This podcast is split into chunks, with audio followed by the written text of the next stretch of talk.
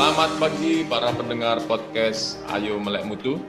Salam jumpa lagi pagi hari ini ketika take podcast ini kita uh, lakukan bertepatan dengan tanggal 2 Oktober, tanggal yang sering diperingati sebagai Hari Batik Nasional.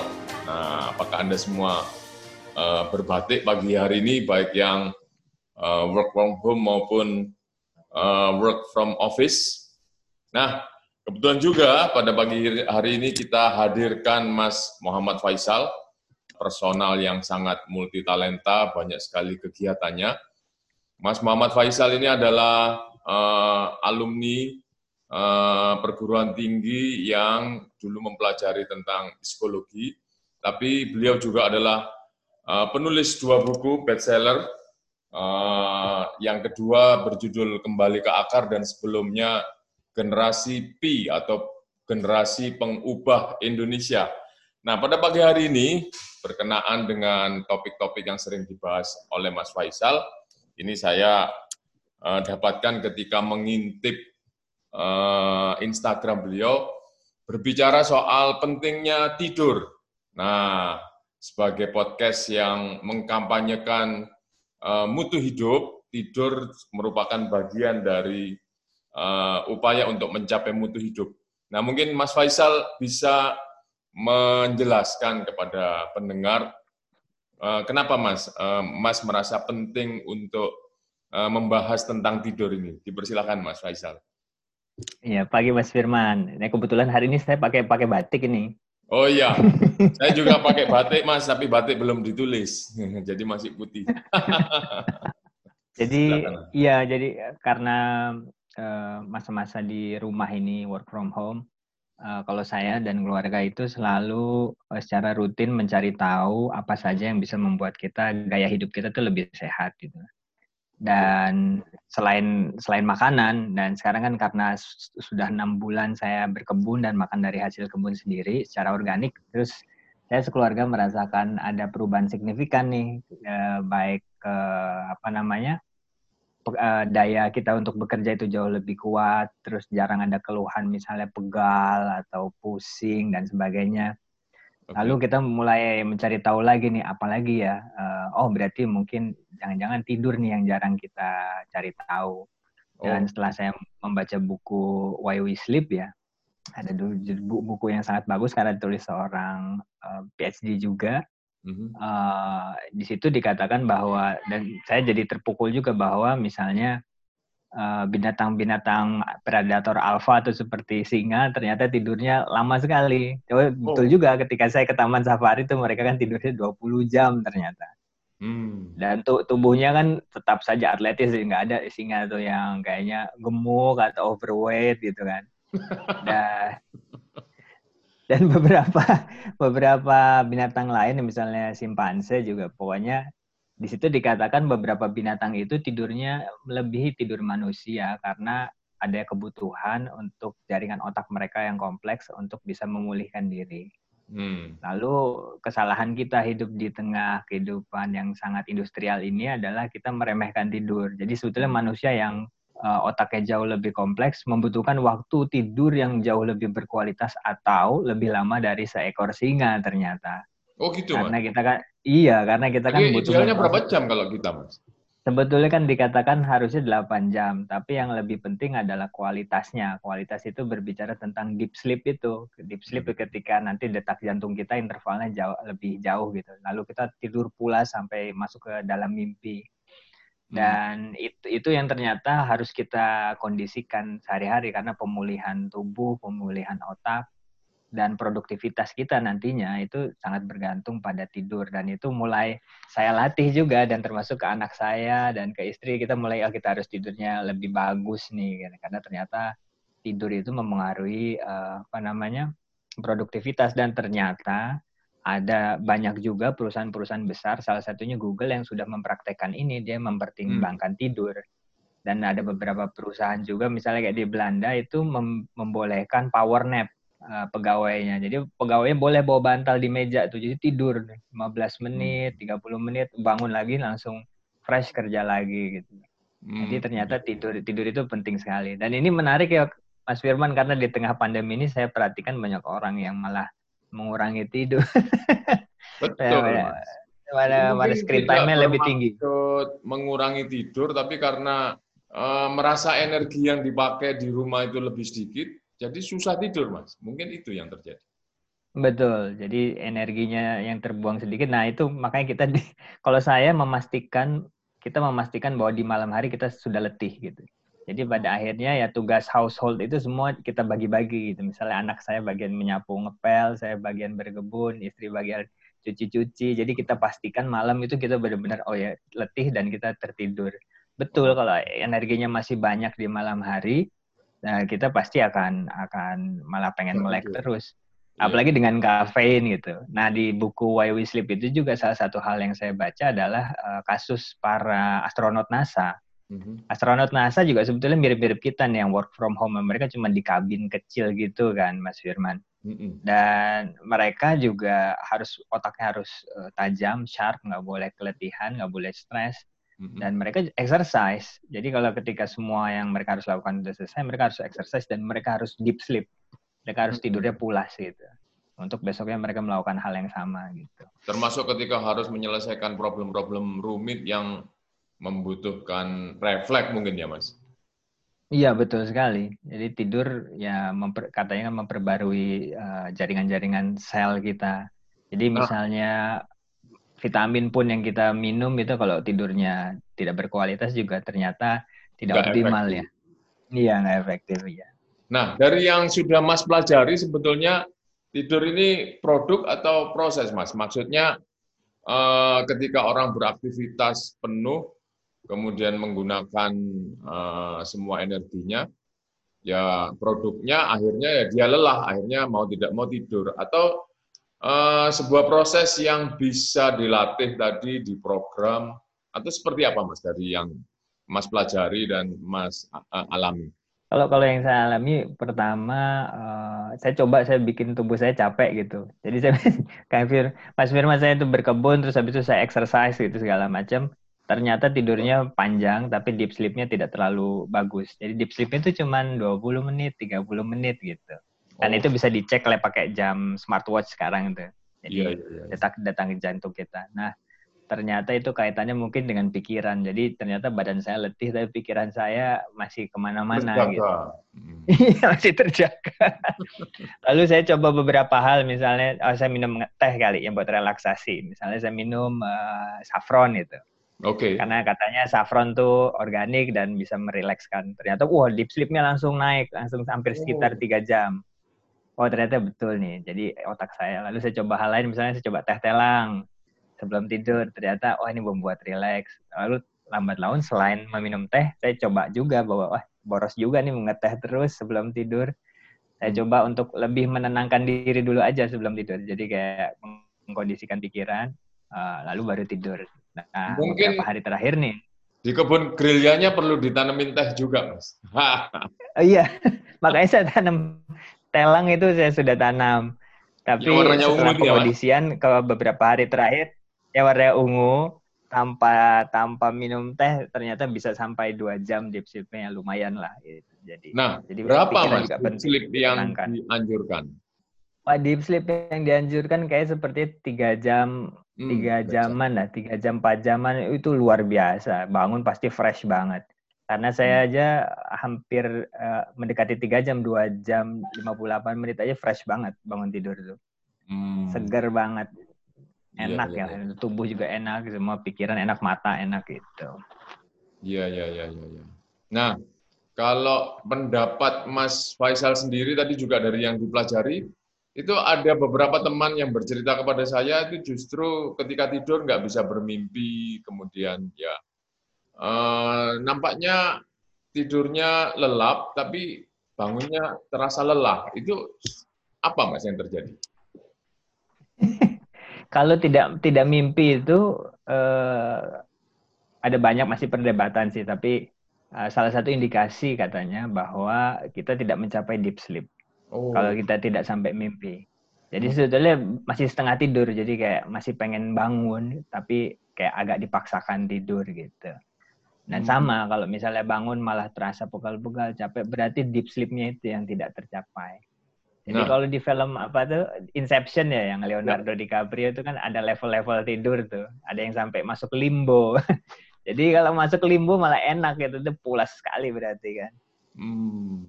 Nah, selain makanan tadi minum teh atau mungkin makanan tertentu yang bisa membuat uh, tidur lelap, apalagi yang bisa dilakukan, Mas? Ini yang sangat penting mungkin untuk mencapai uh, mutu hidup karena tadi uh, fase tidur lelap ini sangat penting buat jantung. Lampu harus mati. Oke. Okay. Terus layar laptop komputer harus mati, TV mati, hmm. handphone itu harus jauh dari pandangan mata lah. Walaupun hanya sekedar kedipan-kedipan ketika handphone di charge, ternyata itu bisa mengurangi kualitas tidur. Hmm. Lampu mati, handphone mati, TV mati, Kemudian utang-utang harus dibayar ya Mas, biar. Utang juga harus dibayar karena bisa pulas. Nanti ada yang ngetok pintu lagi. Mungkin itu justru yang membuat nggak bisa lelap ya Mas. Kalau Mas sendiri melatih diri kemudian meningkatkan uh, deep sleep itu tadi selain secara fisik juga makanan, apalagi Mas hmm. yang bisa di uh, share sebagai tip and trick buat para pendengar?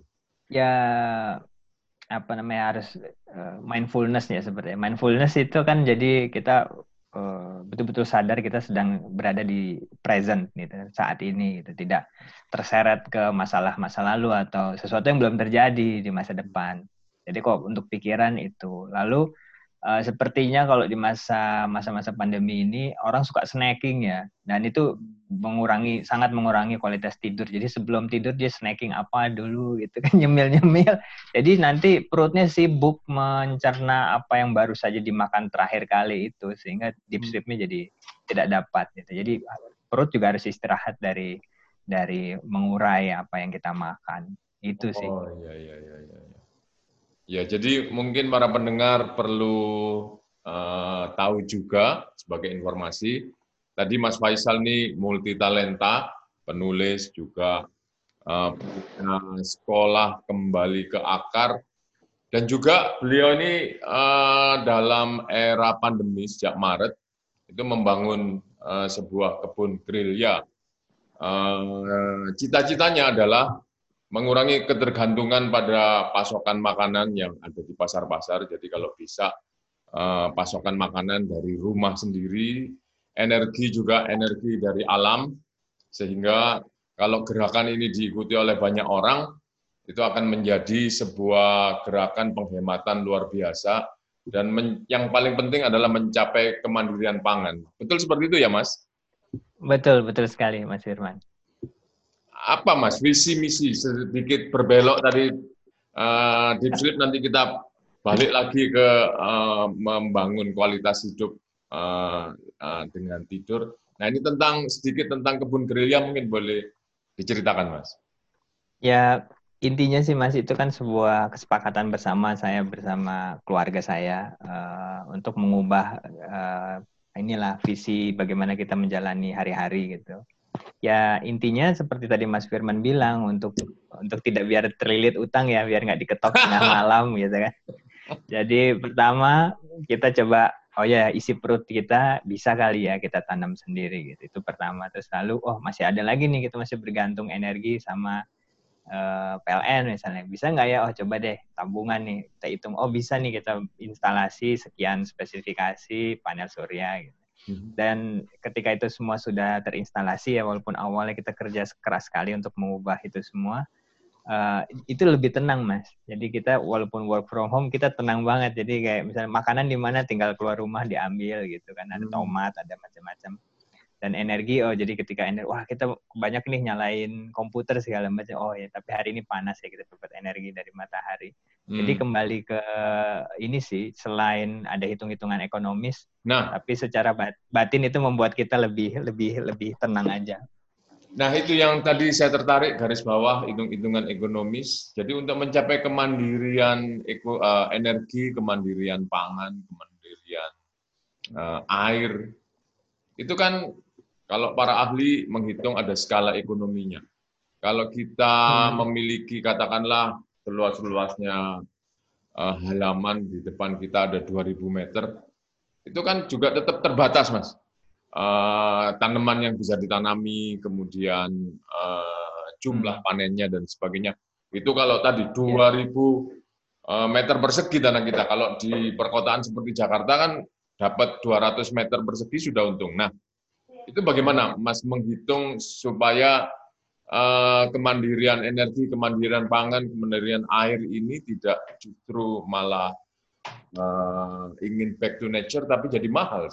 Ya, jadi uh, kita kebanyakan nonton film ternyata Mas Firman. Di film-film tuh kan kebunnya luas, gede gitu kan. Mm-hmm. Jadi misalnya uh, di tempat saya itu, misalnya pohon bayam ya, pohon bayam satu itu muat buat seminggu mas, untuk bertiga di rumah. Jadi ternyata nggak butuh banyak pohon bayam gitu, kayak kita berapa meter persegi pohon bayam. Uh, yang kita butuhkan hanya satu pohon bayam yang sehat buat minggu ini, lalu satu lagi pohon bayam yang sehat buat minggu depan. Nanti hmm. silih berganti aja. Jadi kira-kira total butuh hanya sekitar 4 sampai 5 pohon bayam. Oh gitu. Dan sama untuk kangkung, sama untuk pokcoy, sama untuk tomat, sama untuk cabai dan yang lainnya. Jadi sebetulnya untuk hitungan keluarga kita nggak butuh luas banget gitu lahannya seperti yang di TV kita sering lihat atau di film-film. Yang penting tanamannya sehat. Jadi tinggal mencari kiat gimana tanaman bisa sehat di rumah dan terus memproduksi. Hmm. Nah kemudian soal variabilitas variasi dari tanaman kita dulu uh, sudah terbiasa makan makanan yang bermacam-macam, kemudian sekarang pindah dengan makanan yang ada di kebun kita. Itu ada uh, kontraksi nggak, ketegangan, ketidaknyamanan atau? Ada, ada. Ya. Waktu bulan pertama ada karena kita dulunya terbiasa daging ya pasti ada ayam gitu ada atau ada ikan di meja dan setelah sebulan ada sempat kita mungkin kayak ngerasa aduh pengen mesen ini pengen pesan lewat ojek online nih gitu. Tapi setelah udah mulai panen lalu kita ngeliat eh, seru ya ini panen kita bikin apa gitu pasti masak ternyata ke badan jauh lebih enak Mas Firman. Jauh banget. Jadi betul-betul bahkan kalau saya olahraga pun saya bisa kuat lebih lama dan nggak ada pegal-pegal. Tadi saya berkebun pegal-pegal encok terus tidurnya jadi langsung nggak bisa kerja hari itu karena harus tidur siang tiga jam. Jadi sekarang kayak power nap aja 15 menit itu sudah cukup, saya bisa langsung kerja yang lain, bisa ngajar online dan sebagainya. Jadi terakhir pun ketika uh, kita coba konsumsi makanan yang kita beli dari luar malah jadi sekarang rasanya kurang jos mas. Hmm, jadi kayak yeah. oh gitu doang. Tapi habis itu kita ngerasa kita ngerasa kayak ah oh, enakan makan sayur nih kita lebih bisa betul. bisa ngelakuin banyak hal jadi kuat macam-macam gitu. Hmm. Jadi ada ada perubahan itu sih betul. Nah, dengan rancangan hidup emas yang boleh dikatakan sebagai hidup bermutu, makan dari makanan yang uh, ditanam sendiri, energi dari usaha yang uh, apa diusahakan sendiri. Kemudian juga tadi uh, ada gerakan untuk melatih memprogram uh, tidur yang lebih uh, berkualitas ada nggak Mas kemudian uh, upaya untuk mengkampanyekan agar ini bisa uh, diadopsi atau dijalankan oleh orang dalam jumlah banyak Mas? Apa program Mas? Uh, ada, ada, ada itu lewat apa yang kita sebut. Jadi kita juga waktu awal merancang ini kan bermula dari kebun, lalu kita hmm. coba bikin narasi gitu. Okay. Di rumah kita diskusi apa ya narasinya ya, karena semua orang juga udah ada Indonesia berkebun, ada yang juga permaculture dan sebagainya. Lalu karena kita awalnya juga tidak berbakat berkebun, Mas Firman, dan memang nggak pernah bisa, nah, kita nyebutnya kebun gerilya karena orang bergerilya aja, kayak orang terpaksa aja untuk berkebun gitu. Dan kita kebetulan pakai pendekatannya mikroorganisme, Mas Firman. Jadi ada bakteri-bakteri dari uh, fermentasi banyak hal sih, ada dari air kelapa, ada ada gula dan sebagainya. Itu ternyata kalau disiram ke tanah bisa menyuburkan lagi tanah karena ternyata uh, tanah kita sudah kekurangan mikroorganisme yang hmm. mungkin perbandingannya itu misalnya satu cacing itu sama uh, harus ada sekian juta mikroorganisme untuk penyeimbang si cacing itu hidup di dalam tanah. Hmm. Jadi kita berusaha untuk uh, inilah sharing bahwa ini loh sebetulnya kok pakai mikroorganisme tanah kita itu bisa subur lagi terus tanaman apa aja sih sebetulnya bisa produksi juga dengan baik di di, di rumah kita gitu. Lalu apa upaya komunikasi agar gerakan Mas ini diikuti orang lain? Ya, saya kolaborasi ada ada ada channel podcast namanya Slam Indonesia yang isinya anak-anak muda karena saya udah mulai jadi sepuh nih Mas Firman. jadi, jadi mereka yang nanti mulai akan membuat berbagai konten dan juga mulai me, ini juga mengkomersilkan ya dijual dengan harga terjangkau mikro, mikroorganisme itu. Lalu ada pemikiran juga untuk membuat aplikasi Mas Firman ini kita lagi masih godok uh, aplikasi web based di mana nanti orang yang berkebun satu dengan yang lain itu bisa saling komunikasi dan tahu lokasi masing-masing. Nanti jadi kalau kalau panennya lebih bisa saling barter gitu Mas Firman. Hmm, luar biasa. Ya ya ya. Nah, ini kan boleh dikatakan kehidupan yang berubah secara ekstrim dan dipercepat uh, oleh uh, pandemi COVID. Nah, pertama adalah yang ingin uh, saya tahu adalah ketika COVID ini katakanlah kita optimis berakhir di tahun 2021 atau ya pasti berakhir entah 2022. Eh, nah, apakah gerakan ini akan diteruskan, Mas? Eh, sepertinya, kalau saya iya jelas. Kita udah uh, senang dan kita juga kaget ya karena anak kita juga senang sekarang senang sekali makan sayur Okay. Jadi dia kalau nggak makan sayur dia malah mengeluh gitu, ah nggak enak nih badan nggak enak dia langsung kayak nyari ke kebun dia metik-metik sendiri gitu. Oke. Okay. Nah kita pasti akan meneruskan ini uh, dan hasil-hasil yang baik yang sudah berhasil kita lakukan ya kita coba ini sih tularkan juga mungkin ke lingkungan terdekat ke teman-teman dulu dan sepertinya teman-teman juga sudah mulai ada yang tertarik juga untuk melakukan hal yang sama karena kalau semua orang mulai berkebun walaupun dianggapnya remeh ya berkebun tapi itu punya pengaruh signifikan ke lingkungan hidup sih Mas Firman. Hmm, nah, dan yang kedua, apa hambatan yang terbesar yang bakal dialami mereka yang uh, kemudian memilih uh, gaya hidup seperti Mas Faisal ini? Apa Mas uh, tantang tantangannya adalah godaan jajan Mas itu. Oh, itu. godaan jajan aja sih godaan jajan ini itu terus uh, apa namanya paling cuaca ya karena sekarang cuaca tidak menentu tapi itu pun juga bisa disiasati sih bisa bisa disiasati paling itu aja lebih ke tantangan sosial aja sih hmm. lebih itu berapa lama mas bisa selesaikan sehingga sampai uh, mencapai hasil seperti hari ini mas tantangan jajan oh. kemudian anak-anak uh, putra Mas yang ingin kembali lagi misalnya atau rindu pada jajanan uh, waktu sebelumnya itu berapa lama Mas selesai? Uh, dua bulan. Dan oh dua bulan. Jadi juga...